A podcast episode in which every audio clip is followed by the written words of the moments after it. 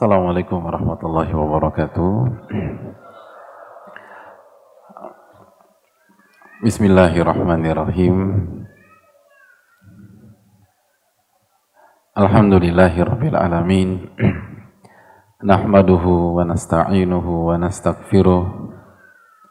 Wa na'udzu billahi min syururi anfusina wa min sayyiati a'malina. من يهده الله فلا مضل له ومن يضلل فلا هادي له نشهد أن لا إله إلا الله وحده لا شريك له وأن محمدا عبده ورسوله يا أيها الذين آمنوا اتقوا الله حق تقاته ولا تموتن إلا وأنتم مسلمون يا أيها الناس اتقوا ربكم الذي خلقكم من نفس واحدة وخلق منها زوجها وبث منهما رجالا كثيرا ونساء. واتقوا الله الذي تساءلون به والأرحام. إن الله كان عليكم رقيبا. يا أيها الذين آمنوا اتقوا الله وقولوا قولا سديدا. يصلح لكم أعمالكم ويغفر لكم ذنوبكم. ومن يطع الله ورسوله فقد فاز فوزا عظيما. Amma ba'du hadirin yang Allah muliakan Bapak-bapak, ibu-ibu teman-teman yang semoga semuanya dijaga dan diberkahi oleh Allah Subhanahu wa taala. Tidak ada kata yang layak untuk kita ucapkan di awal pertemuan kita kecuali kata syukur puji dan puja kita kepada Allah Tabaraka wa Ta'ala atas nikmat yang Allah berikan kepada kita khususnya nikmat hidayah nikmat iman nikmat Islam nikmat bisa melangkahkan kaki ke salah satu rumah-rumah Allah Subhanahu wa taala nikmat ibadah itu nikmat yang terbesar di dalam kehidupan kita. Maka kita ucapkan alhamdulillahilladzi bi ni'matihi tatimmus salihat. Segala puji bagi Allah yang hanya dengan pertolongan dan taufiknya amal soleh itu bisa dikerjakan dengan sempurna. Kita bisa melangkah bukan karena kecerdasan kita. Kita bisa duduk di sini bukan karena kesehatan dan fisik kita, tapi kita bisa berada di sini karena Allah memberikan taufik, Allah memberikan pertolongan, dan Allah memberikan hidayah. Dan semoga kita menjadi hamba-hambanya yang bersyukur. Ya bersyukur hadirin. Karena itu salah satu kunci sukses para ulama Al-Imam Abu Hanifah, salah satu empat imam madhab fikih yang terbesar, beliau pernah menyampaikan bahwa kunci keberhasilan beliau adalah beliau berusaha memperbanyak bersyukur dan bertahmid kepada Allah. Dan ini yang sering kali kita lupakan. Seringkali kita berpikir bahwa tugas kita ketika datang ke kajian hanya sebatas memahami. Memahami itu penting. Tapi bukan hanya memahami. Di antara tugas besar kita adalah begitu kita selesai dalam sebuah kajian dan keluar Pertanyaannya adalah, bisakah saya bersyukur atas nikmat yang Allah berikan kepada saya beberapa saat yang lalu? Terlebih lagi nikmat ilmu adalah nikmat yang lebih mahal daripada harta dunia. Tentu saja bersyukurnya harus lebih besar daripada ketika kita mendapatkan uang. Saat kita mendapatkan 10 ribu rupiah dengan kita mendapatkan 100 ribu, Kira-kira bersyukurnya sama apa tidak? Berbeda. Bersyukur atas 100 ribu lebih besar daripada bersyukur ketika mendapatkan 10 ribu. Lalu bagaimana dengan nikmat ilmu? Ini yang harus menjadi dalam tanda kutip ganjalan dalam hati kita pada saat kita keluar dari sebuah majelis ilmu. Bisakah kita syukuri? Bisakah kita menjadi hamba yang bersyukur dan yang berhasil sedikit jemaah? Yang berhasil bersyukur itu nggak banyak. Jadi kalau kita bicara, kalau kita bisa simpulkan, yang mau belajar itu sedikit dari seluruh manusia. Dan dari yang sedikit itu, yang bersyukur lebih sedikit lagi. Dan itu yang Allah firmankan dalam surat Saba ayat 13. Wa qalilun min ibadiyas syakur. Sedikit hambaku yang pandai bersyukur. Oleh karena itu hadirin sekalian, bersyukurlah. Dan kalau kita bisa bersyukur, la in syakartum la azidannakum. Kalau kalian bersyukur, aku akan tambah nikmat tersebut. Wala in kafartum inna azabi lasyadid. Dan kalau kalian kufur nikmat, tidak bersyukur, ketahuilah azabku sangat pedih. Jadi kalau kita belajar, ikut kajian, lalu kita lupa bersyukur, jangan salahkan siapa pun kalau ilmu kita justru menjadi bumerang bagi kita. Dan hanya mengantarkan kita pada azab Allah subhanahu wa ta'ala. Na'udzubillah Thumma na'udzubillah. Oleh karena itu, semoga kita menjadi hamba-hambanya yang pandai bersyukur.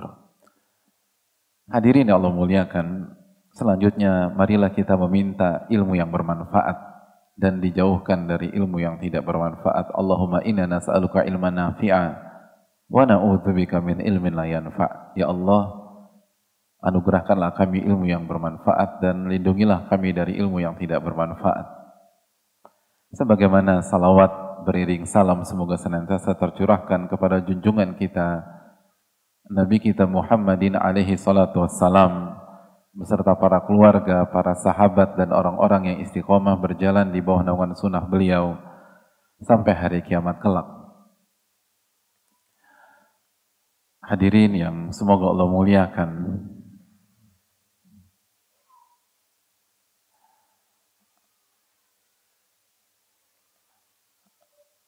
pada kondisi atau pada rentan waktu ini kita tuh sering banget mendengar istilah tentang mental illness atau mental health atau istilah healing dan teman-temannya. Yang mungkin 10 tahun yang lalu, 15 tahun yang lalu, 20 tahun yang lalu, itu istilah nggak populer di tengah-tengah kita. Tapi sekarang dikit-dikit gue kena mental nih. Gitu. Aku kena mental. Gitu. Kamu mau ke mana? Aku mau healing dulu. Itu menjadi sapaan ramah di telinga-telinga kita. Dan itu merubah hidup kita. Membuat hidup kita tertekan, terbebani, kebahagiaan sirna. Hari-hari diisi dengan stres, lalu stres, dan stres. Ada banyak orang kehilangan senyumnya hadirin.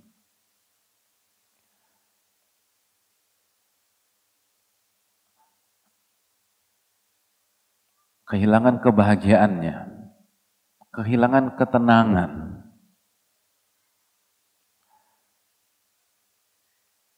Lalu banyak di antara kita berusaha berpikir, apa penyebab ini semua? Lalu sering kali yang menjadi kesimpulan adalah karena kita sedang banyak masalah.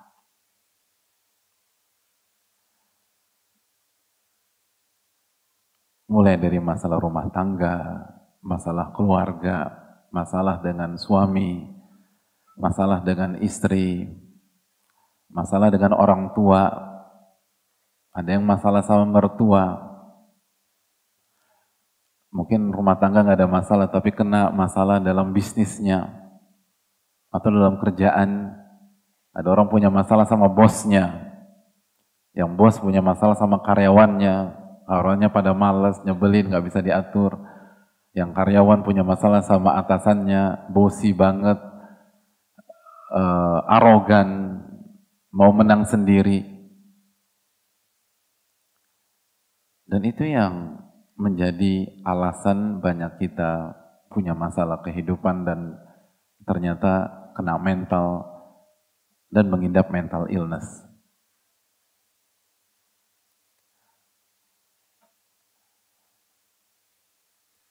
Kira-kira begitu tidak kesimpulan banyak orang hadirin sekalian?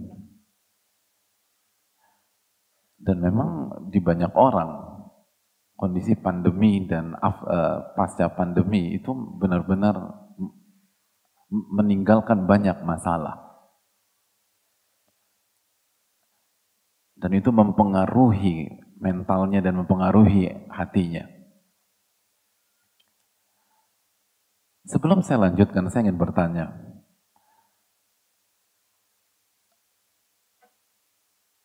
Siapa di antara hadirin sekalian yang nggak punya masalah di sini angkat tangan?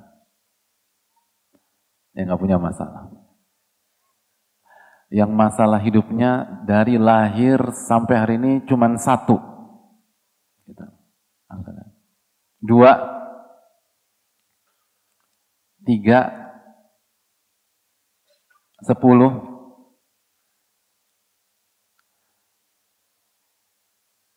Yang punya banyak masalah? Semuanya. Sedikit loh. Jadi yang lainnya maunya apa hadirin?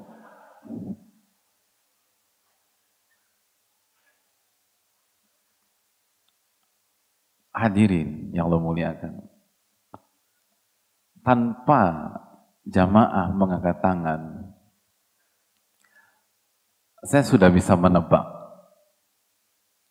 dan saya sudah simpulkan.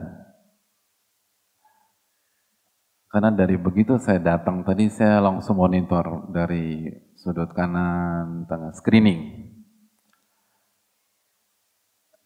Dan saya mendapati wajah-wajah di depan sini, wajah-wajah banyak masalah semua. Benar. Dan tadi itu serius banget hadir. Sebelum saya bertanya kan nggak ada senyum di hadapan. Beban hidupnya berat. Gitu. Benar nggak hadirin sekalian? Ini muka-muka banyak masalah kan? Oke, yang baper siapa yang baper? Pintu keluarnya ada di sana hadirin. Kamu nggak usah baper. Karena yang di hadapan hadirin sekalian, ini pun muka banyak masalah. Kelihatan kan? Enggak. Ini muka banyak masalah. Karena yang membuat orang hancur bukan masalah hadirin sekalian.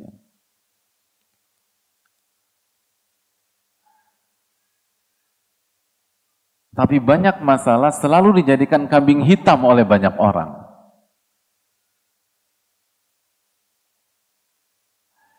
Jadi nggak usah minder, punya muka banyak masalah, tenang aja. Ada yang ngangguk-ngangguk penuh harapan. Ternyata masih ada harapan Pak Ustadz. Masih insya Allah. Kenapa demikian? Saya mau tanya sama kalian sekalian. Siapa orang yang masalahnya paling berat dan paling banyak?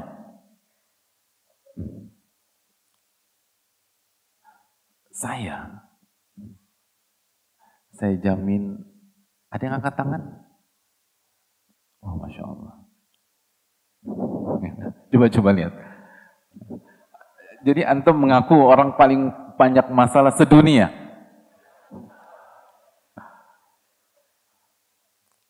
Hadirin, saya jamin tidak ada dalam masjid ini.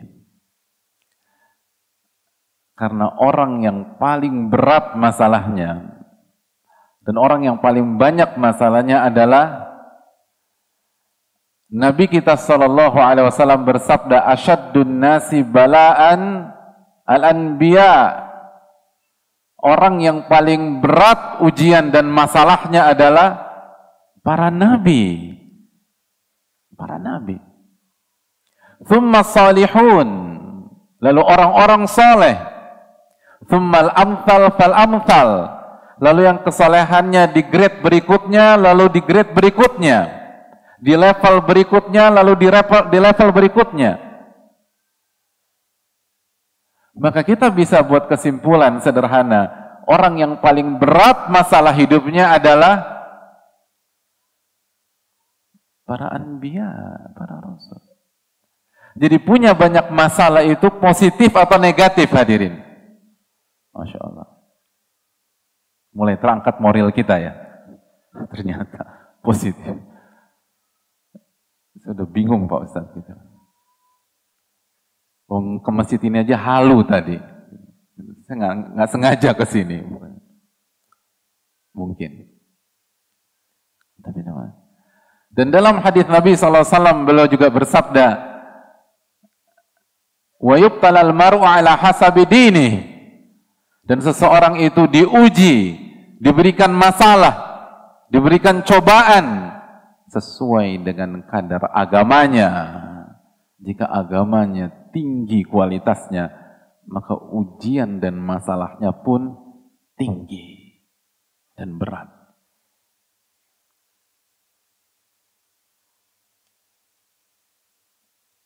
Dan Nabi kita sallallahu alaihi wasallam pun juga bersabda, "Innallaha idza ahabba qauman ibtalahum."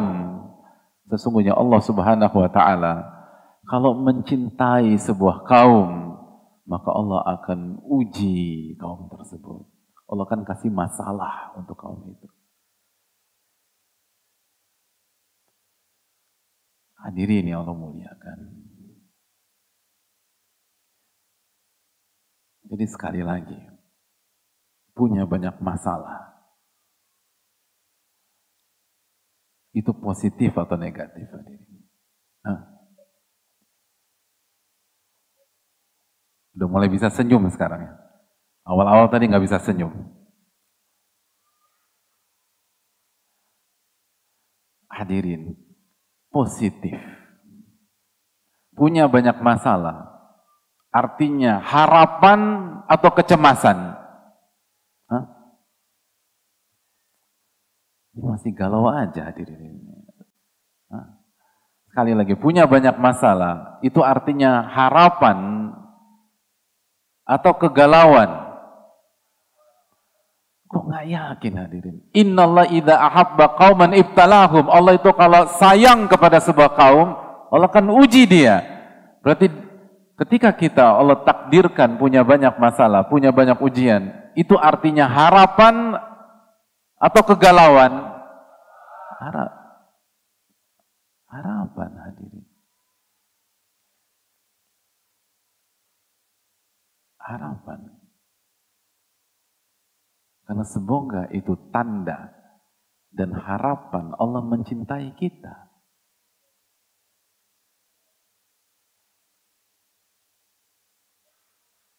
Dan masalah serta ujian tidak bisa dipisahkan dengan kehidupan.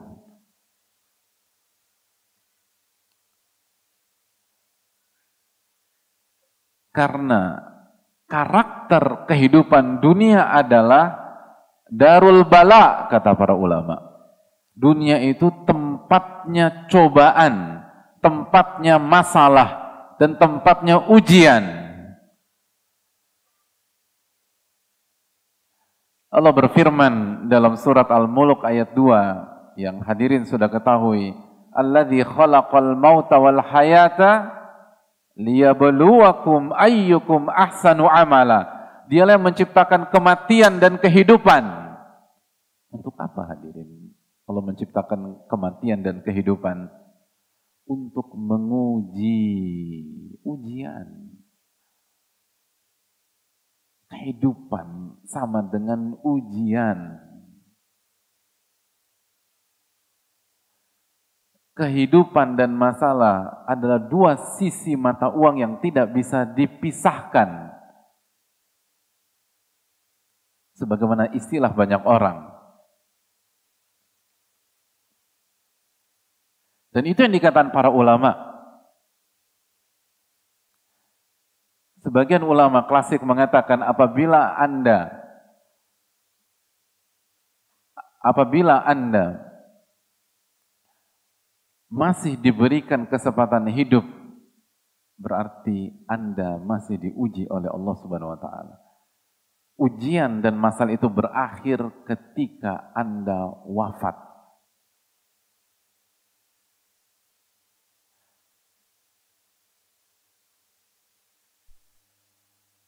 Makanya hadirin sekalian, kalau ada teman kita, doain kita. Gua doain semoga ini mujian lo yang terakhir. Mulai besok lo gak akan dapat masalah hidup lagi. Jangan diaminin. Itu artinya dia doain besok kita mati. Amin, amin. Lo emang BFF gua bro. Ini orang nyumpain anda mati. Ada masalah sama Anda itu orang. Mungkin hasad, mungkin benci.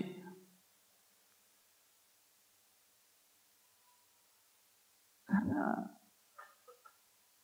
ujian itu berakhir setelah ujian kehidupan dunia berakhir ketika kita wafat.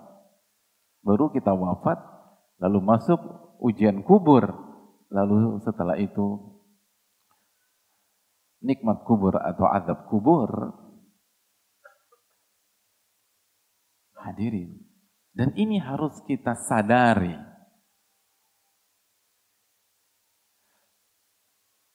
Karena kata para ulama,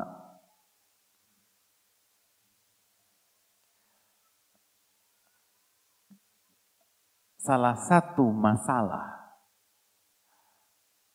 dalam kehidupan yang bisa membuat orang gagal jadi baik, gagal jadi bahagia, gagal jadi orang tenang itu karena dia tidak sadar.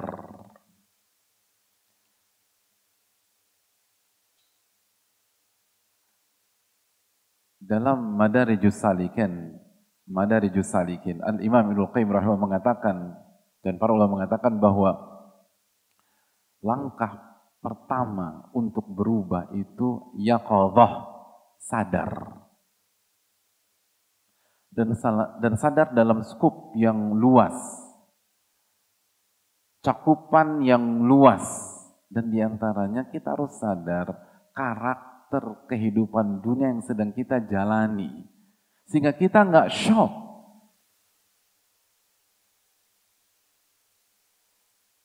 Sehingga kita nggak kaget. Ketika kita ingin umroh atau ingin haji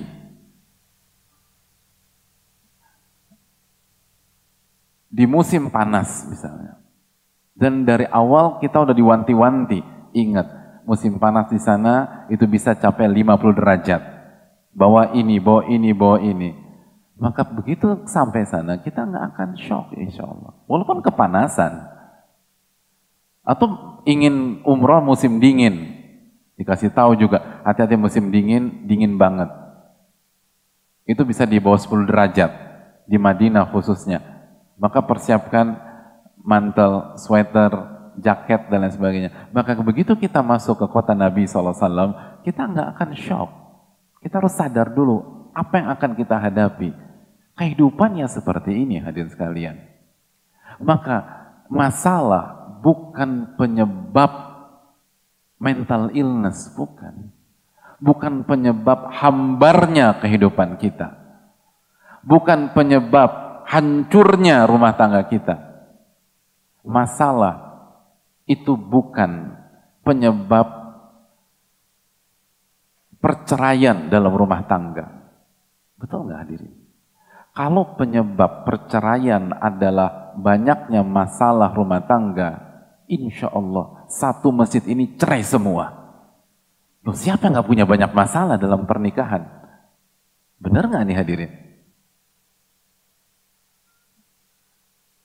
Yang bikin kita berantakan, yang bikin muka kita kusut, yang bikin kita jungkir balik, yang bikin kita semraut, yang bikin kita halu adalah karena kita tidak tahu ilmunya.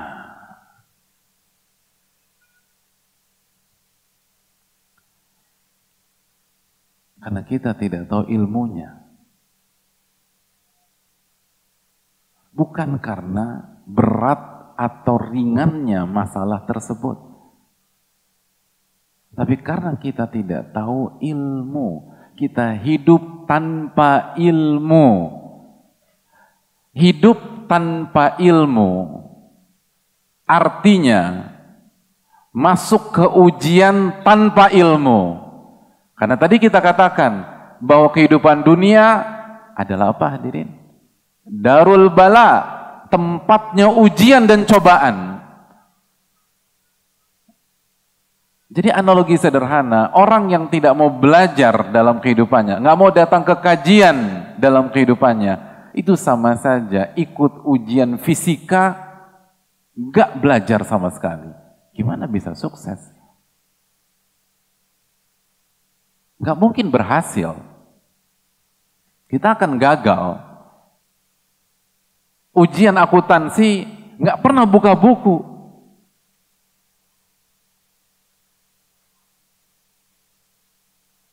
Bro, gimana? Udah belajar belum? Belum. Terus gimana? Yang penting ikhlas, ikhlas. Ujian kimia, ikhlas itu penting hadirin. Tapi mungkinkah kita berhasil di ujian kimia hanya modal ikhlas? Gak mungkin. Ya itu sama. Orang gak mau kajian, gak mau datang ke majelis taklim, gak mau belajar, gak mau buka kitab para ulama. Yang penting anak tulus aja ngejalanin kehidupan. Gak bisa. Allah yang berfirman, Alladzi khalaqal mauta wal hayata liyabluwakum. Allah ciptakan kematian dan kehidupan untuk menguji. Hidup ini ujian. Makanya dalam hadis Tirmidzi, Nabi kita SAW mengatakan dengan ilustrasi, belum menggariskan sebuah garis, lalu garis-garis pendek, yang kesimpulannya hidup itu berpindah dari sebuah masalah satu ke masalah yang kedua. Selesai masalah kedua, pindah masalah ketiga. Masalah ketiga berakhir, pindah masalah keempat. Masalah keempat berakhir, itu artinya kita pindah masalah kelima.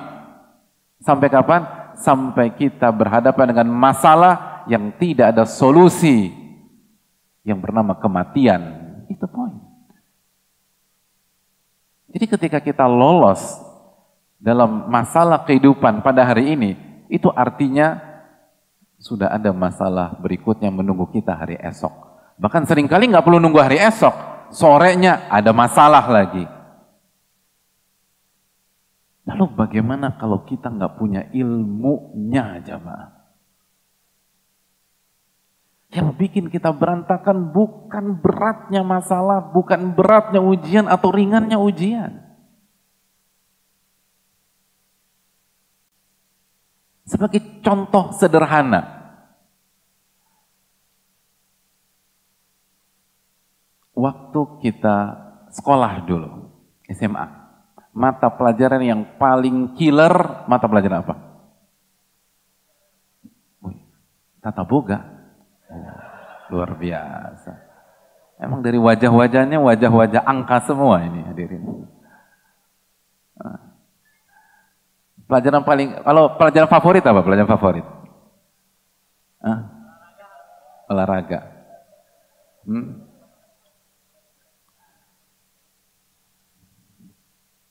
Dulu waktu kita sekolah dulu, tapi ini jangan ditiru ya, jangan ditiru. Itu pelajaran paling favorit kita, fisika. Kalau kosong. Kimia, kalau kosong. Matematika kalau kosong. Tapi kalau begitu gurunya hadir, banyak-banyak istighfar kita ini. bukan karena guru dan mata pelajaran, tapi kitanya yang lalai dalam belajar. Yang killer apa sih? Fisika, kimia. Contoh sederhana, apabila kita akan ujian kimia, susah, dan gurunya killer. Tibalah hari ujian. Dan gurunya, saking killernya itu, kasih soal cuma satu. Gitu. Jadi udah dead or life udah. Kalau nggak seratus, nol udah. Gitu. gitu. Cuma satu. Dan ketika kita buka lembaran ujiannya, ternyata itu ujian paling sulit sedunia selama kita hidup di dunia yang fana ini. Gitu. Nggak ada ujian lebih susah dari itu. Namun, ternyata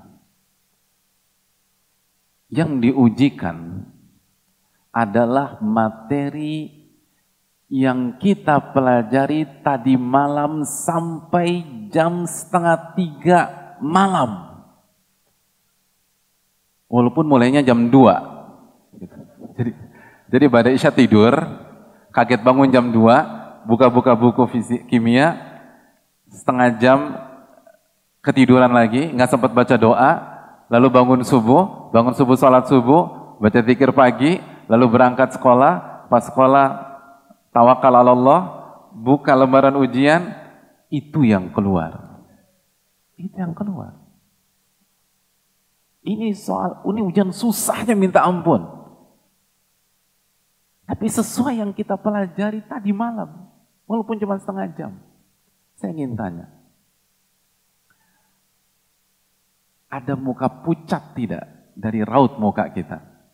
Enggak. Keringat dingin? Gimana ekspresinya? Nah. Kita akan bertahmid selama ujian. Alhamdulillah di binikmati tatimu solihat. Alhamdulillah, Alhamdulillah. Senyum merekah. Di saat menjalani ujian tersebut.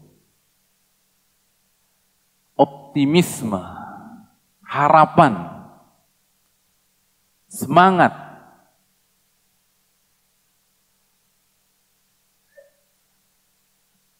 ditambah determinasi dan energik.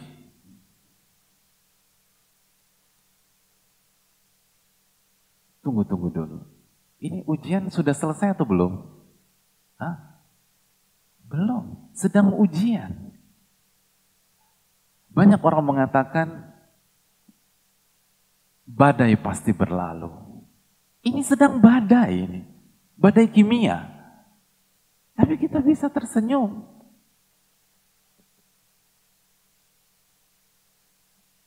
Konsep mengatakan setelah kesulitan ada kemudahan. Ya, tapi pada saat itu bukan konsep itu yang ter uh, yang terjadi, tapi konsep ma'al usri yusro. Justru kita menikmati kemudahan di tengah-tengah kesulitan. Kenapa? Apa jawabannya? Karena kita pakai ilmu dalam menjalani ujian tersebut. Kita tahu ilmunya hadirin. Dan kita amalkan, kita terapkan ilmu tersebut. Kita tuangkan ilmu itu.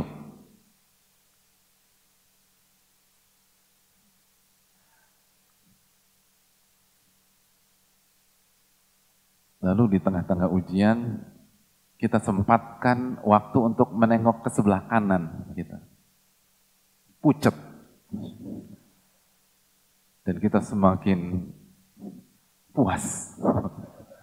Nggak bagus. Ini nggak bagus.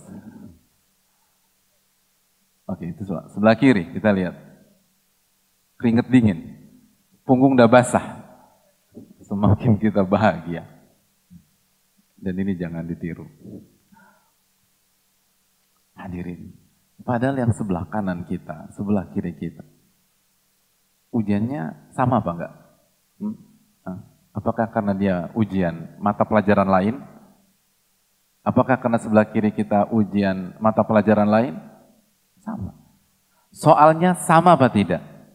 Sama, sama-sama susah. Kalau parameter kegalauan, hancurnya mental kita, dan dropnya kita, itu beratnya ujian, harusnya semuanya drop. Semuanya pucat, semuanya keringat dingin. Tapi kenapa satu pucat, satu keringat dingin, satu bahagia? Karena ilmunya beda. Ilmunya beda. Selama ini kita fokus ke masalah. Kita lupa ilmu tersebut. Ini poin hadirin sekalian.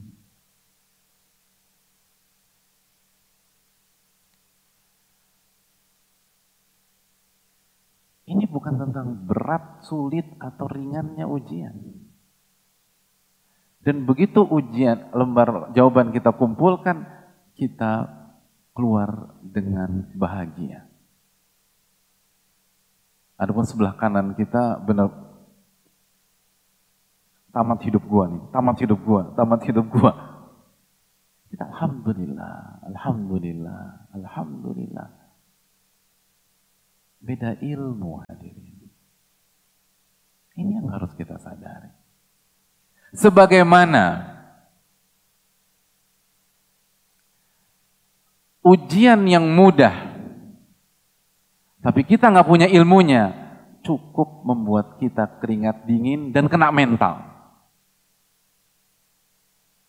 Kalau misalnya saya tanya kepada hadirin sekalian, sebutkan rumus luas trapesium.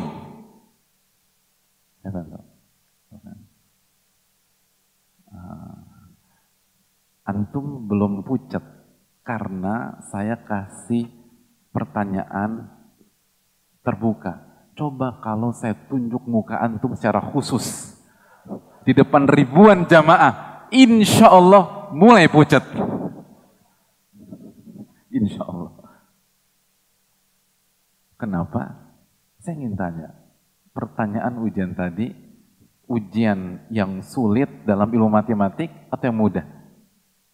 Hah? Trapesium? Sulit? Ya Allah.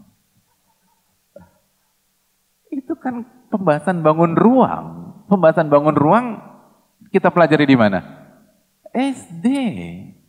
Itu pertanyaan anak SD hadirin. Coba yang anak SD di sini angkat tangan.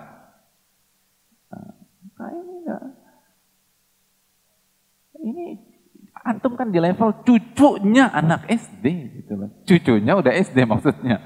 SD udah lama. Artinya ini gampang.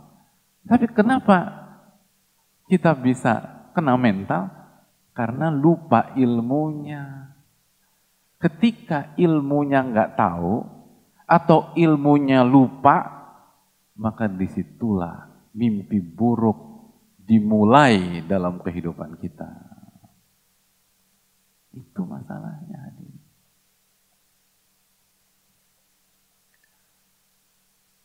Jadi ini bukan tentang masalah. Ini bukan tentang ujian. Ini tentang ilmu.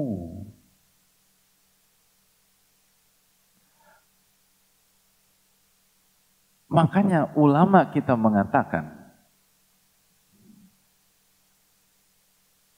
bahwa ilmu adalah rohnya kehidupan. Ilmu itu roh.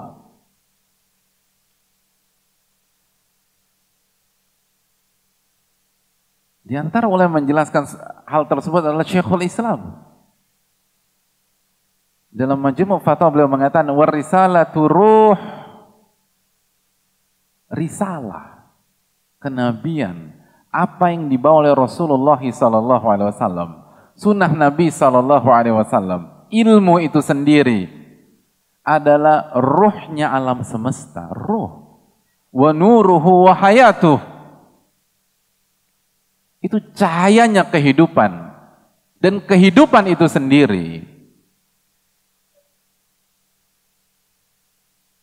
Oleh karena itu hadirin ya Allah muliakan, ketika Allah Subhanahu wa taala berbicara tentang Al-Qur'an, berfirman tentang Al-Qur'an dalam sebuah ayat dalam surat Asy-Syura ayat 52, kata apa yang Allah ungkap gunakan? Wa kadzalika auhayna ilaika ruhan min amrina. Dan begitulah kami wahyukan kepada engkau ruh. Ruh dari perintah kami dan dari sisi kami. Al-Quran itu roh. Dan silakan buka buku-buku tafsir. Apa artinya? Artinya Al-Quran adalah ruhnya hati, ruhnya jiwa. Berarti hidup tanpa Al-Quran bagaikan hidup tanpa ruh. Mati hadirin. Mati. Hambar gersang, kering, halu. Wa kadzalika auhayna ilaika ruhan min amrina.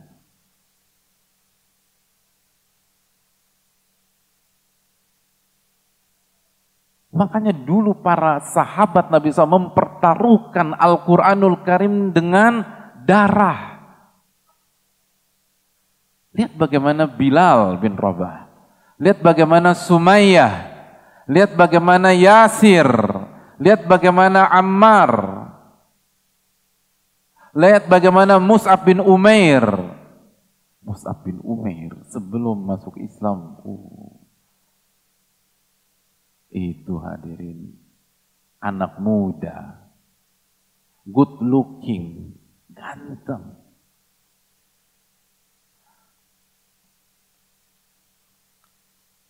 Dulu waktu jalan itu bahasa bahasa sekarang perfect, harum.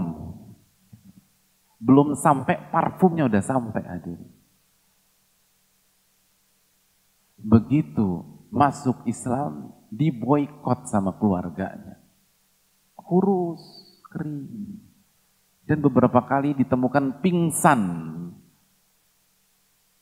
di sudut atau di jalan kota Mekah. Tapi mereka tidak goyah. Mereka mempertahankan ilmu, mempertahankan Al-Quran, mempertahankan risalah. Kenapa? Karena mereka sadar bahwa ini adalah ruh. Maka mereka pertahankan sebagaimana mereka mempertahankan nyawa. Itu yang kita lihat Bilal bin Rabah. Sumayyah, Yasir, baik laki-laki maupun wanita. Mereka mempertahankan ilmu, mempertahankan Al-Quranul Karim, sunnah Rasulullah SAW, itu seperti mereka mempertahankan nyawa, bahkan lebih dari itu. Sumaya kehilangan nyawa hadirin radhiyallahu taala anha Yasir kehilangan nyawa. Adapun kita dengan segala fasilitas yang Allah kasih, kemudahan yang Allah berikan, hanya modal datang, hanya modal jalan.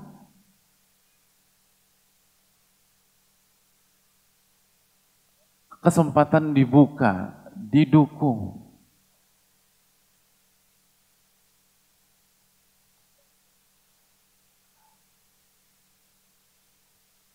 Tapi ke mana semangat mempertahankan ilmu tersebut? Ke mana semangat menuntut ilmu itu? Sudahkah kita sadari betapa pentingnya ilmu? Lagi-lagi, ini masalah kesadaran. Banyak kita nggak sadar bahwa ilmu itu sepowerful itu. Ilmu itu kehidupan di dunia maupun di akhirat. Makanya warisalatu ruh. Wa kadzalika auhayna ilaika ruhan min amrina. Dan begitulah kami wahyukan kepada engkau ruh. Ruh. Ini tentang ilmu. Bukan tentang masalah.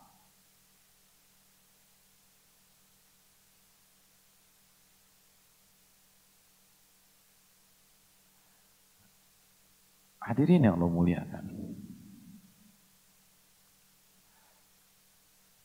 Maka marilah kita belajar.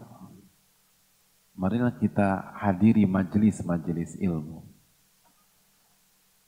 baik jamaahnya maupun panitianya, semua butuh karena semua punya masalah dan semua banyak masalah.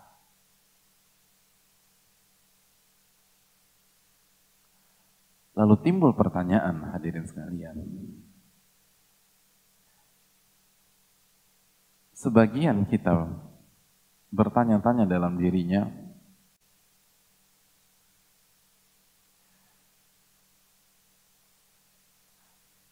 Saya udah belajar Ustaz. Tapi kenapa kok masih hambar? Saya udah ikutin kajian.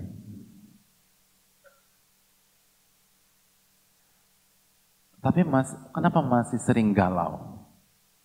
Masih sering kena mental? Masih sering terpuruk? Apa yang salah? Katanya kalau kita punya ilmu, bisa. Hadirin yang Allah muliakan. Berarti ada yang perlu kita pahami lebih dalam. Ada yang perlu kita renungkan lebih lanjut.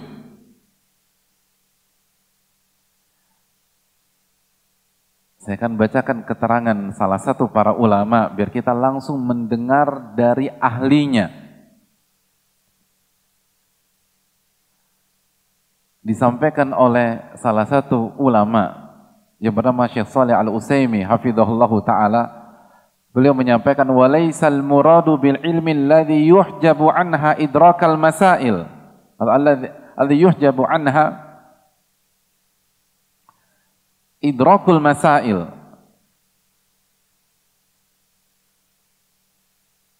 Fa inna idrakal masail yujadu inda aqwamin yusbihuna wa yumsuna ala mukhalafati syariah. Yang dimaksud ilmu itu bukan sebatas mengetahui hukum sebuah masalah. Bukan sebatas itu. Bukan sebatas paham sebuah masalah. Yang dimaksud ilmu, walaysal muradu bil ilmi alladhi yujabu anha idrakul masail. Jadi, walaysal muradu bil ilmi alladhi yujabu anha idraka idrokal masail. Yang dimaksud ilmu itu bukan sebatas mengetahui hukum-hukum beberapa eh, berbagai masalah. Tapi yang dimaksud dengan ilmu, walakinnal murada bil ilmi alladhi yunalu bi ta'zimil ilm wal ilmu nafi' alladhi yakunu khairan lil abdi fid dunya wal akhirah. Namun yang dimaksud dengan ilmu yang bisa membuat kita bahagia yang membuat kita bisa tenang adalah ilmu nafi' ilmu yang bermanfaat bukan ilmu yang sebatas maklumat tapi ilmu yang bermanfaat yang merupakan kebaikan di dunia dan di akhirat untuk seorang hamba. Dan ilmu yang bermanfaat tidak bisa didapatkan kecuali dengan satu cara kata para ulama. Kata kata para ulama, yunalu bi ilm didapatkan dengan memuliakan ilmu. Memuliakan ilmu. Bukan sebatas belajar dan datang ke, ke kajian. Belajar dan datang ke kajian salah satu bagian dalam memuliakan. Tapi bukan memuliakan secara utuh. Untuk mendapatkan ilmu yang merupakan obat galau obat mental illness, obat stres, obat untuk bahagia, obat agar tenang adalah ilmu nafi yang cara mendapatkannya hanya satu cara yaitu ta'zim memuliakan ilmu dengan segala perincian dan kaedah-kaedahnya.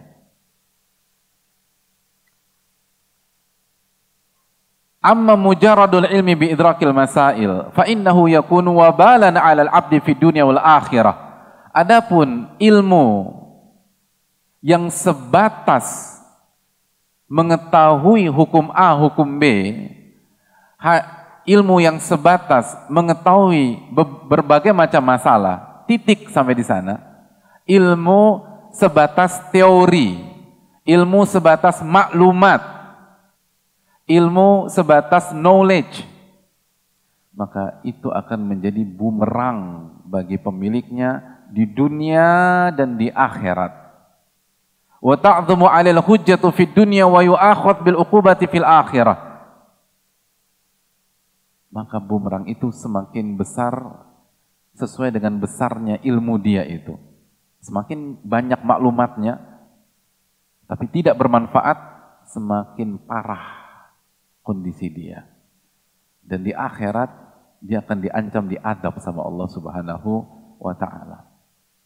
Ilmu nafi. Makanya yang Nabi kita SAW minta setiap pagi, apa hadirin? Allahumma ini as'aluka ilman nafi'an wa rizqan tayyiban wa amalan mutaqabbala. Ya Allah berikanlah aku ilmu nafi, ilmu yang bermanfaat. Maksudnya apa sih Ustaz? Ilmu yang bisa kita manfaatkan dalam setiap episode-episode kehidupan kita. Ilmu yang bisa kita gunakan dalam setiap ujian dan masalah-masalah kita. Itu ilmu.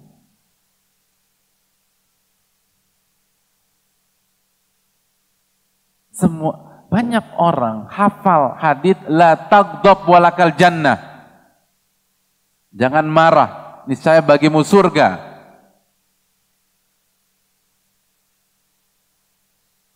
Tapi apakah setiap orang yang hafal dan tahu hadis tersebut bisa mengamalkan? Khususnya ketika istri ngejawab omongan kita anak ngerusakin kesayangan kita gitu. Bisa nggak ngamalin latang tok walakal jannah? Jangan marah bagimu surga. Hampir setiap kita itu sudah tahu tentang sunnahnya mengucapkan salam. Kalau bertemu sesama muslim, tapi berapa persen mengamalkan itu? Banyak di antara kita sudah paham tabassumuka fi wajah akhika sadaqah. Senyummu di hadapan wajah saudaramu itu sedekah. Tapi berapa banyak yang senyum ketika jalan ke masjid lalu ketemu dengan tetangga-tetangga komplek atau tetangga-tetangga rumahnya. Hampir semua kita tahu bahwa gibah itu haram dosa besar seperti makan bangkai. Dan bisakah kita jaga lisan kita? Itu yang menentukan ilmu maklumat dan ilmu ilmu nafi. Dan cara mendapatkan ilmu nafi hanya dengan memuliakan hadirin. Kalau nggak memuliakan, nggak akan bisa, nggak bisa.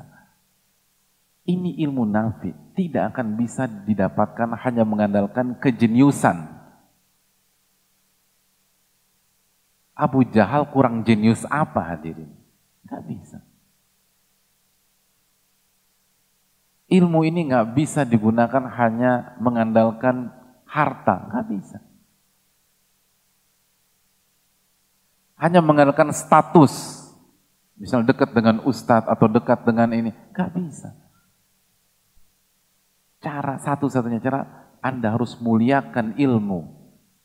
Dan arti memuliakan ilmu, memuliakan Al-Quran dan Sunnah Nabi kita SAW. memuliakan Allah tabaraka taala. Memuliakan Rasulullah wasallam. Lalu memuliakan setelah itu memuliakan guru-guru kita. Lalu memuliakan kaum muslimin secara umum. Karena secara umum seorang muslim punya ilmu dalam dirinya, terlepas berapa kadarnya. Kita harus muliakan.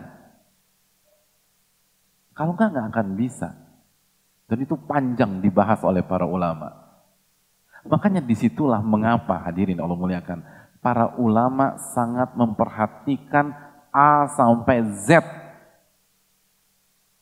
Segala urusan yang berkaitan dengan ilmu dan kajian. Kita tahu bersama bahwa para ulama dulu itu kalau mau kajian, mau menyampaikan ilmu, mandi pakai baju yang bagus. Para ulama pakai parfum. Imam Malik ketika di kedatangan tamu di rumahnya, beliau akan tanya, rahimahullah, kita mau bicara masalah umum atau bicara hadis Nabi SAW? Oh bicara hadis, tunggu sebentar. Masuk, mandi, tampil oke, okay, keluar lagi, bicara tentang hadis Nabi SAW. Tapi kalau bicara masalah umum, langsung. Kenapa hadirin? Memuliakan Bukan hanya sekedar membahas. Bedakan antara memuliakan dan sebatas membahas. Memuliakan itu membahas plus, plus, plus, plus, plus. Itu demikian. Kenapa mereka tampil necis, tampil bagus?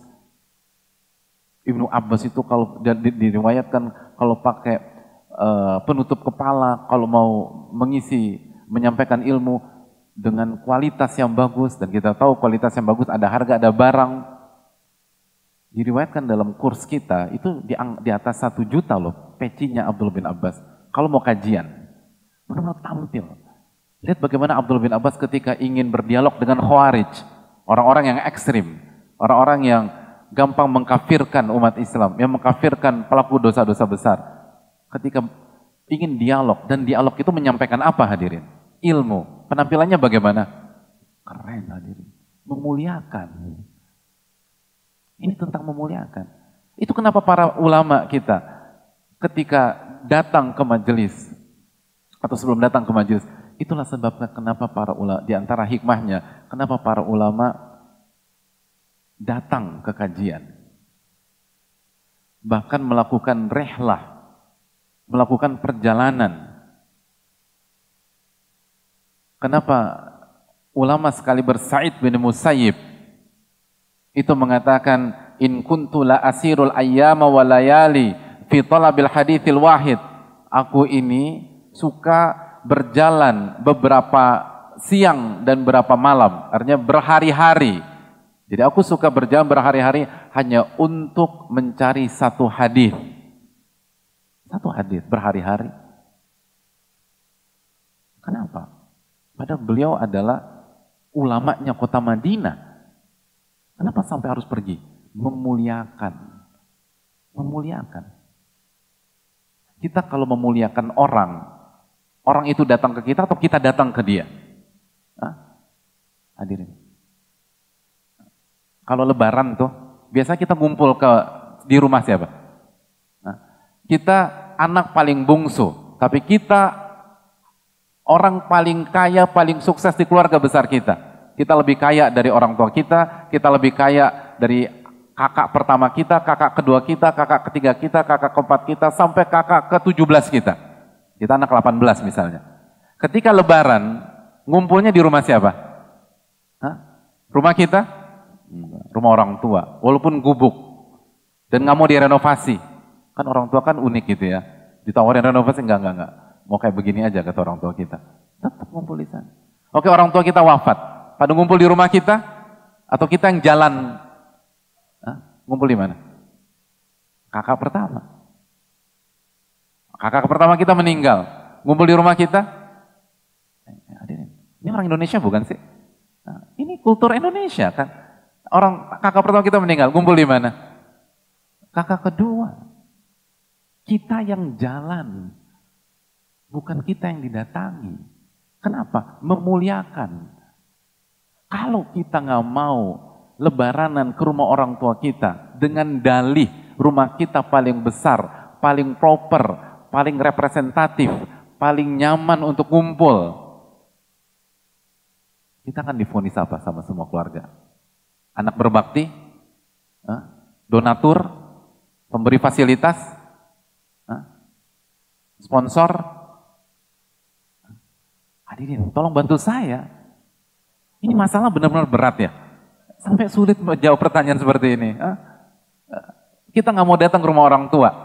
Kita minta semuanya ke rumah saya. Karena rumah saya paling enak, paling nyaman. Rumah orang tua panas, kecil. Rumah saya mau jungkir balik, mau salto, mau roll ke depan, roll ke belakang, bebas. Kita yang suruh mereka datang, bukan kita datang. Kita akan difonis apa hadirin? Durhaka. Karena nggak memuliakan. Padahal kita sediakan seluruh menu yang paling enak. Bandung menu paling enak apa kalau lebaran? Ya Allah, benar-benar halu antum ya. Sampai pertanyaan ini susah dijawab. Tenang, jangan jangan emosi ada, banyak istighfar. Lalu apa? Hah? Rendang? Ya Allah, ini di mana sih? Rendang. Kayaknya saya yang halu hadirin. Ini Padang ya? Atau Bukit Tinggi? Suasananya sejuk kayak Bukit Tinggi saya ini. Kita sediakan semua makanan terenak dan chef, chef yang paling jago masak masakan Jawa Barat kita hadirkan kita pasang red carpet orang tua, tapi kita nggak mendatangi. Apakah orang akan anggap kita? Enggak. Simpel aja, Anda harus datang. Kecuali ada uzur, kecuali ada kendala. Makanya Imam Malik mengatakan, al ilmu yu'ta ya'ti. Ilmu itu men, ilmu itu men, uh, ilmu itu didatangi, bukan mendatangi. Kecuali kalau kita ingin mendakwakan orang yang belum ngerti. Orang yang awam. Betul. Sebagaimana Nabi SAW itu mendatangi orang-orang Quraisy di kota Mekah. Tapi kalau kita ingin mengupgrade diri kita, ingin menjadi penuntut ilmu, ingin merubah ilmu itu menjadi ilmu yang sangat bermanfaat, datang ke kajian. Datangi kajian ustadz-ustadz kita. Ustadz-ustadz kita di Bandung banyak, datangi mereka. Ibnu Dailama, Ibnu Dailami, Abdullah bin Fairuz, rahimahullahu taala. Beliau mendengar hadis dari Abdullah bin Amr. Dan pada saat beliau mendengar hadis tersebut, beliau ada di Palestina. Maka beliau langsung berusaha mencari hadis tersebut, mendengar langsung, datang langsung farokiba wa tajasyama masyaqas safar beliau berangkat, beliau gunakan hewan tunggangannya dan beliau berjalan dan bersabar menghadapi kesulitan ketika safar. Sampai tiba di mana? Taif. Fahaddatsahu bidzalik. Lalu beliau mendapatkan hadis tersebut. Palestina Taif hadirin. Palestina yang umroh mungkin sebagian pernah ke Taif. Itu Taif itu para ulama datang. Kenapa? Betul, alhamdulillah sarana banyak, ada online. Jadi online nggak boleh, online boleh hadirin. Online bagus, online positif. Tapi fungsi online bukan untuk menggantikan off air, bukan untuk menggantikan offline, bukan untuk menggantikan majelis. Online adalah sebuah sarana second option, opsi kedua kalau kita tidak bisa, kita ada kendala, kita ada uzur. Karena semua sepakat, walaupun kontennya sama, baik di offline maupun di online, tetapi dari sisi memuliakan, mana yang lebih tinggi? Ah, hadirin, mana yang lebih tinggi? Offline. Maka ketika sisi memuliakannya lebih tinggi, maka peluang mendapatkan ilmu bermanfaatnya jauh lebih besar. Itulah alasannya mengapa dulu para ulama kita untuk mendapatkan satu hadis berhari-hari. Untuk mendapatkan satu hadis dari Palestina ke Taif. Untuk mendapatkan satu hadis jalan e, berjalan selama satu bulan sebagaimana yang dialami Jabir. Jabir itu untuk mendapatkan satu hadis dan bertemu dengan Abdullah bin Unais itu beliau melakukan perjalanan satu bulan ke Syam untuk satu hadis. Hari ini kita untuk mendapatkan satu hadis harus berjalan berapa bulan hadirin? Hah? Modalnya apa? Kaki, jempol. Bukan satu hadis, satu buku hadis. Hari ini satu buku hadis yang isinya ribuan hadis hanya cukup dengan jempol lalu wifi gratis. Berapa passwordnya? Download gitu. Logikanya, kalau ini tentang konten, sekali, kalau ini tentang konten, seharusnya yang lebih berkualitas, yang satu buku hadis dengan jempol saja dalam hitungan menit, atau yang satu hadis harus menempuh satu bulan Sekali lagi, kalau ini hitungan konten dan efisiensi, harusnya yang lebih berkualitas yang mana? Satu buku hadis beberapa menit atau satu hadis satu bulan? Satu buku hadis beberapa menit. Tapi kenyataan yang lebih berkualitas siapa? Kita atau Jabir bin Abdullah? Kita atau Ibnu Dailami? Ibnu Dailami. Karena intinya bukan sebatas konten. Walaupun konten sangat penting. Tapi ada hal berikutnya, memuliakan. Itu kunci kalau kita ingin mendapatkan ilmu nafi. Dan seterusnya, seterusnya, seterusnya. Harus dibahas secara rinci hadirin. Tapi itulah poinnya. Kalau kita bisa memuliakan ilmu, kita belajar,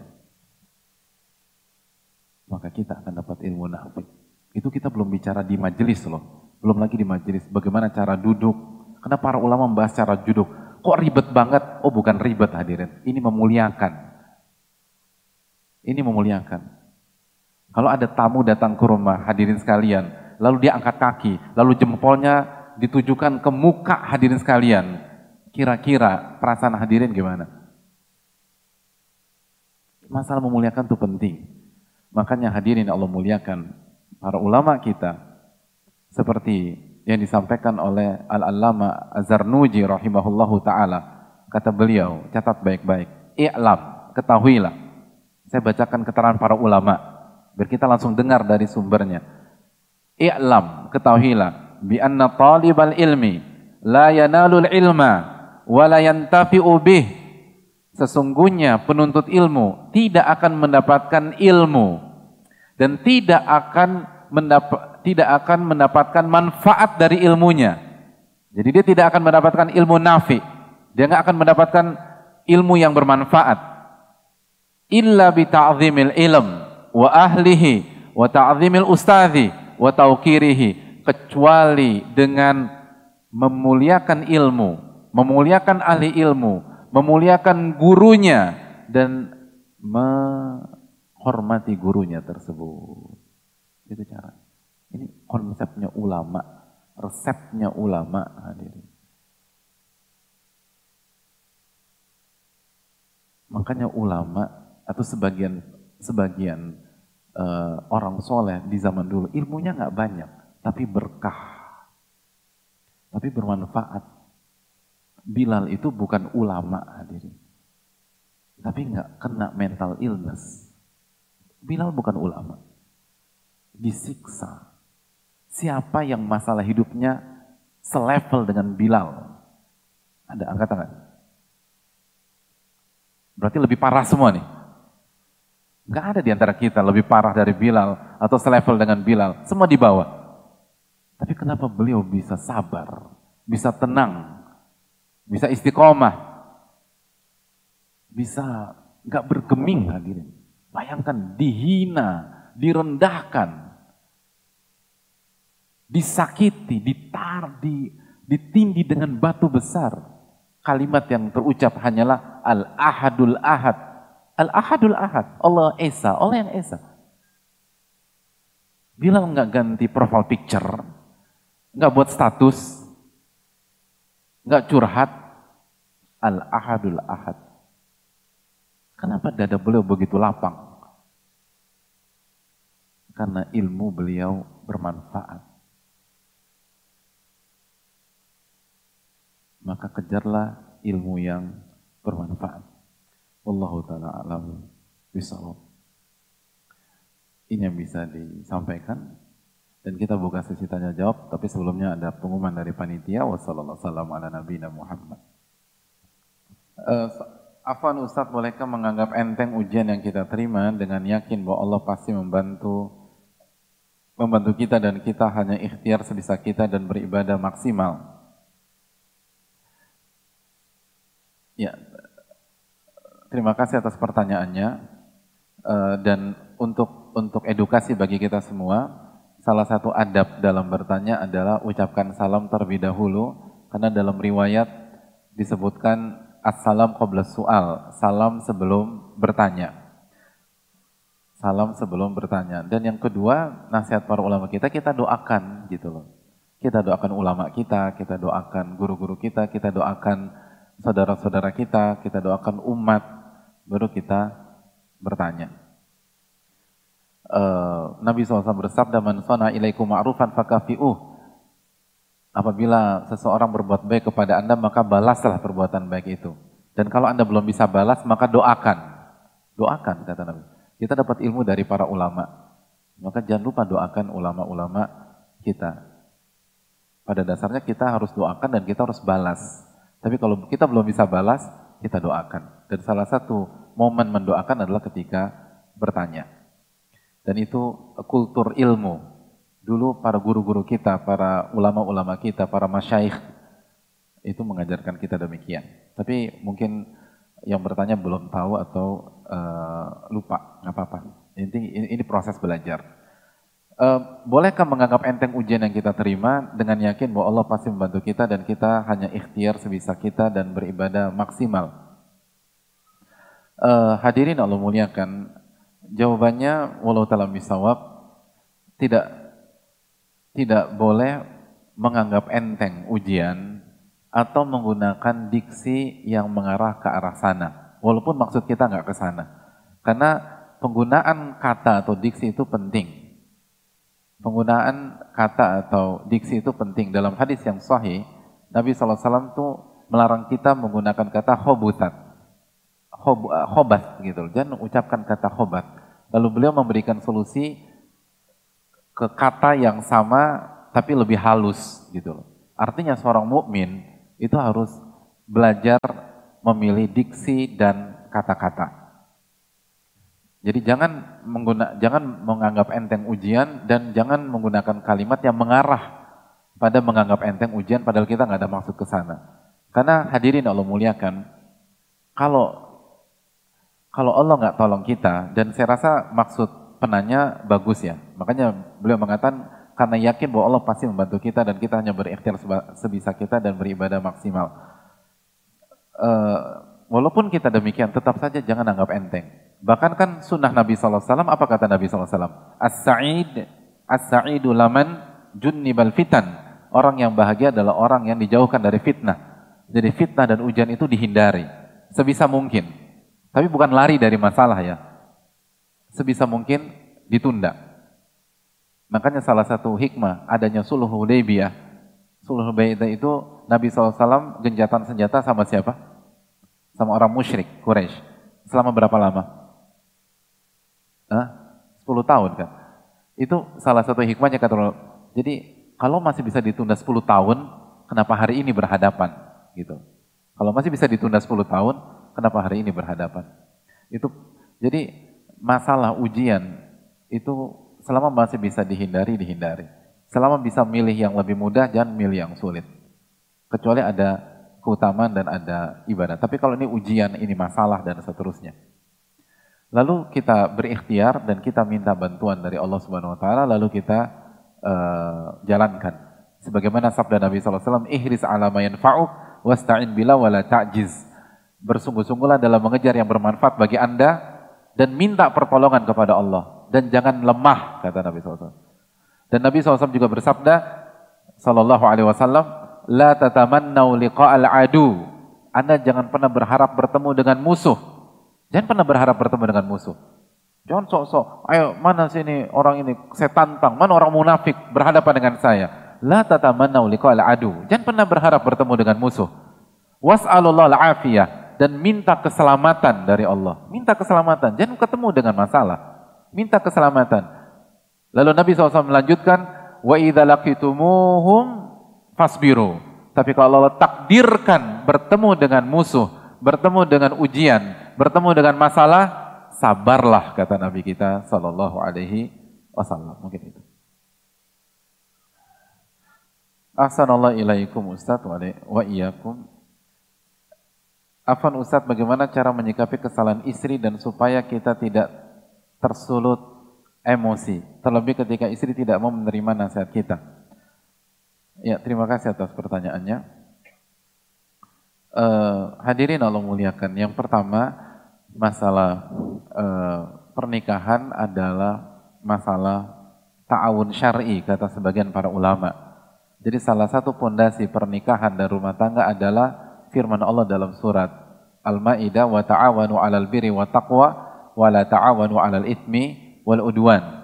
Kita saling tolong menolong dalam kebaikan dan ketakwaan dan kita tidak saling menolong, tidak saling tolong menolong di atas uh, dosa dan permusuhan. Jadi spirit yang harus dibangun adalah kita saling tolong menolong untuk jadi orang yang bertakwa. Karena kita nggak bisa bertakwa sendirian misalnya. Maka kita butuh pendamping. Kita butuh uh, istri dan istri butuh suami. Jadi ketika istri melakukan kesalahan, kita harus tolong hadirin sekalian. Bukan ngamuk, tolong. Jadi kita harus berpikir bagaimana cara yang paling efektif menolong istri kita. Bisa jadi marah, bisa jadi. Tapi marahnya itu bukan emosi. Gimana cara marah nggak emosi hadirin? Nah, Sambil senyum nimpuk gelas gitu Pak Ustadz. Bukan. Marah mendidik. Marah karena Allah, kata Ibnu Jama'ah rahimahullah. Marah karena Allah, bukan karena marah emosi. Dan marah marah karena Allah, marah mendidik, itu kaidahnya jelas, takarannya jelas. Dan hati itu tenang. Karena tujuan kita bagaimana istri kita berubah. Bukan mengungkapkan dan meluapkan, bukan. Jadi ketika kita sepakat bahwa uh, saya harus tolong istri saya karena istri saya melakukan sebuah kesalahan, maka kita akan berpikir cara yang paling efektif bagaimana menyelamatkan dia. Begitu juga dengan istri. Ketika suaminya salah, maka istri akan berpikir bagaimana cara menolong suami saya agar keluar dari kubangan maksiat dan dosa. Itu yang harus kita camkan. Makanya Hadirin yang Allah muliakan, pernikahan itu harus dibangun di atas pondasi yang sama, harus clear dulu. Dan banyak di antara kita sering kali lupa tentang masalah itu. Lalu yang berikutnya, jangan bangun narasi kesempurnaan dalam rumah tangga. Kita yang repot hadirin, kita yang berantakan. Kenapa? Nggak ada yang sempurna. Pernikahan itu tuh persatuan atau pertautan antara dua sosok. Yang satu pendosa, yang satu pendosa. Betul nggak hadirin? Salah ya? Kalau, kalau, kalau, saya salah tolong diluruskan. Nabi SAW bersabda, Puluh Bani Adam khata. Setiap anak Adam banyak melakukan kesalahan. Wa khairul khata'ina dan yang terbaik di antara mereka yang paling banyak bertaubat. Jadi kita khususnya suami, jangan bangun narasi kesempurnaan. Dan salah satunya adalah dengan dengan apa? Dengan dengan mengaudit ketat dan setiap kesalahan istri. Lalu memarahi setiap kesalahan istri. Gak akan bertahan hadirin. Gak akan bertahan. Bukan begitu cara berumah tangga. Rumah tangga tentang bagaimana konsep berjuang, konsep bertauhid, konsep saling ta'awun, konsep saling bersama-sama, konsep saling mengejar keutamaan, itu keluarga. Dan saling sadar pada saat pada saat istri saya salah, maka besok saya yang salah. Dan begitu seterusnya. Lalu bagaimana kita bertobat kepada Allah Tabaraka wa Ta'ala?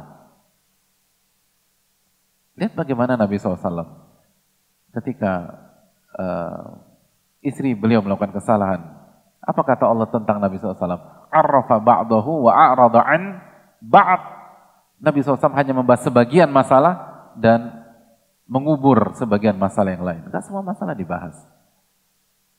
Itu hal yang perlu kita uh, camkan bersama-sama. Dan yang terakhir untuk pertanyaan ini,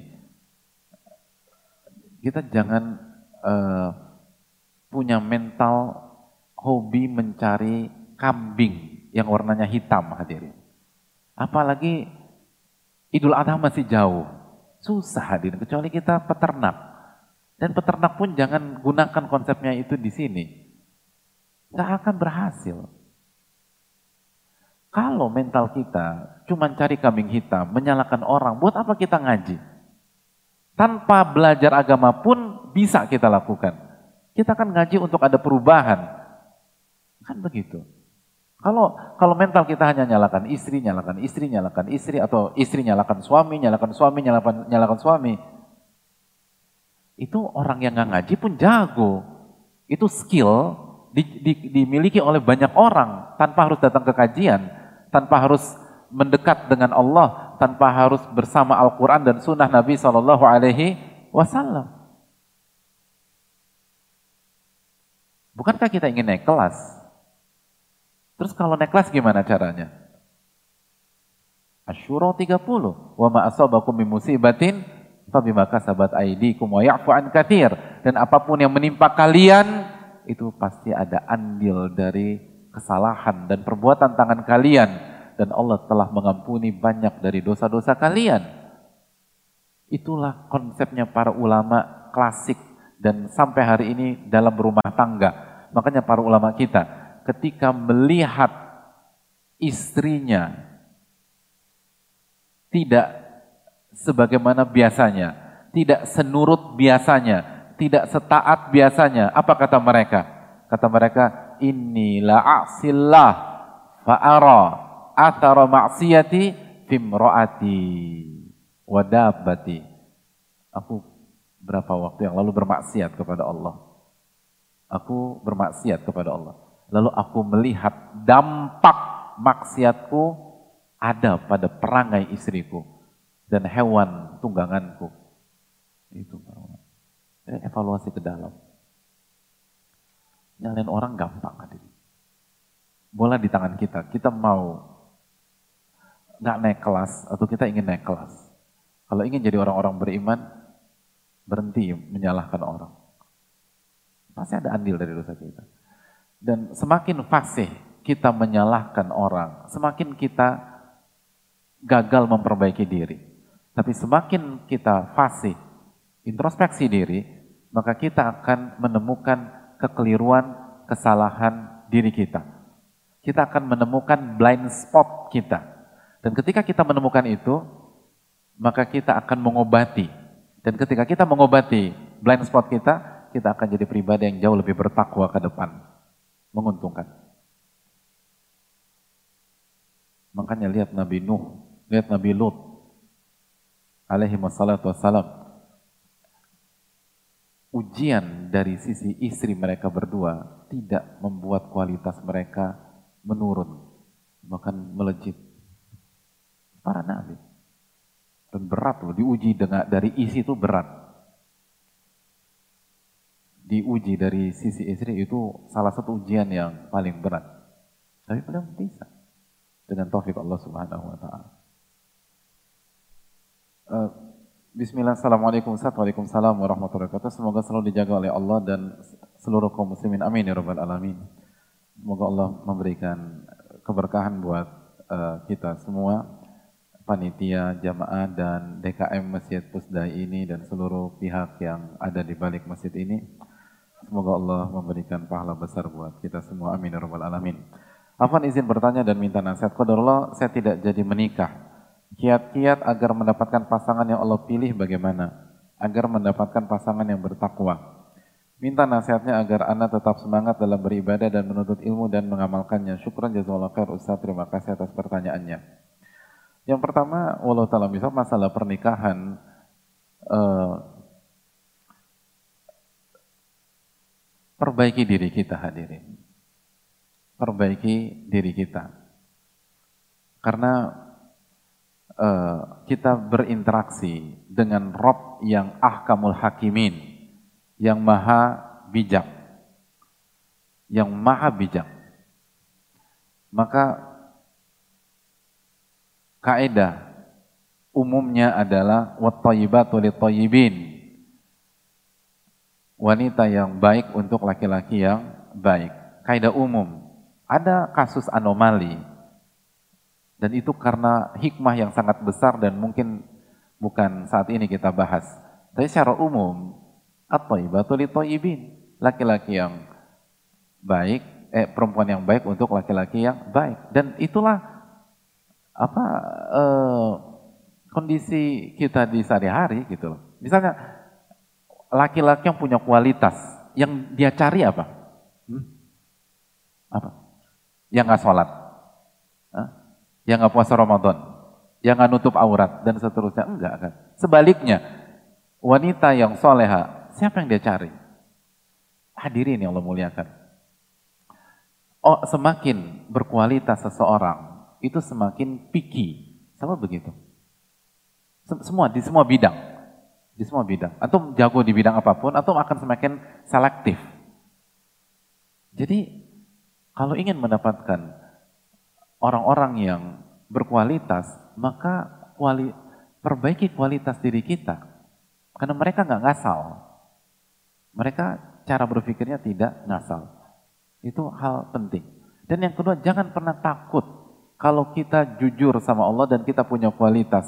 Sekali lagi, Allah alaihissallahu bi ahkamil hakimin. Bukankah Allah pemutus yang paling bijak? Dan hadirin Allah muliakan mutiara itu, mutiara, walaupun ada di dasar laut, itu tetap dicari oleh para nelayan. Mutiara, walaupun dasar laut, itu dicari.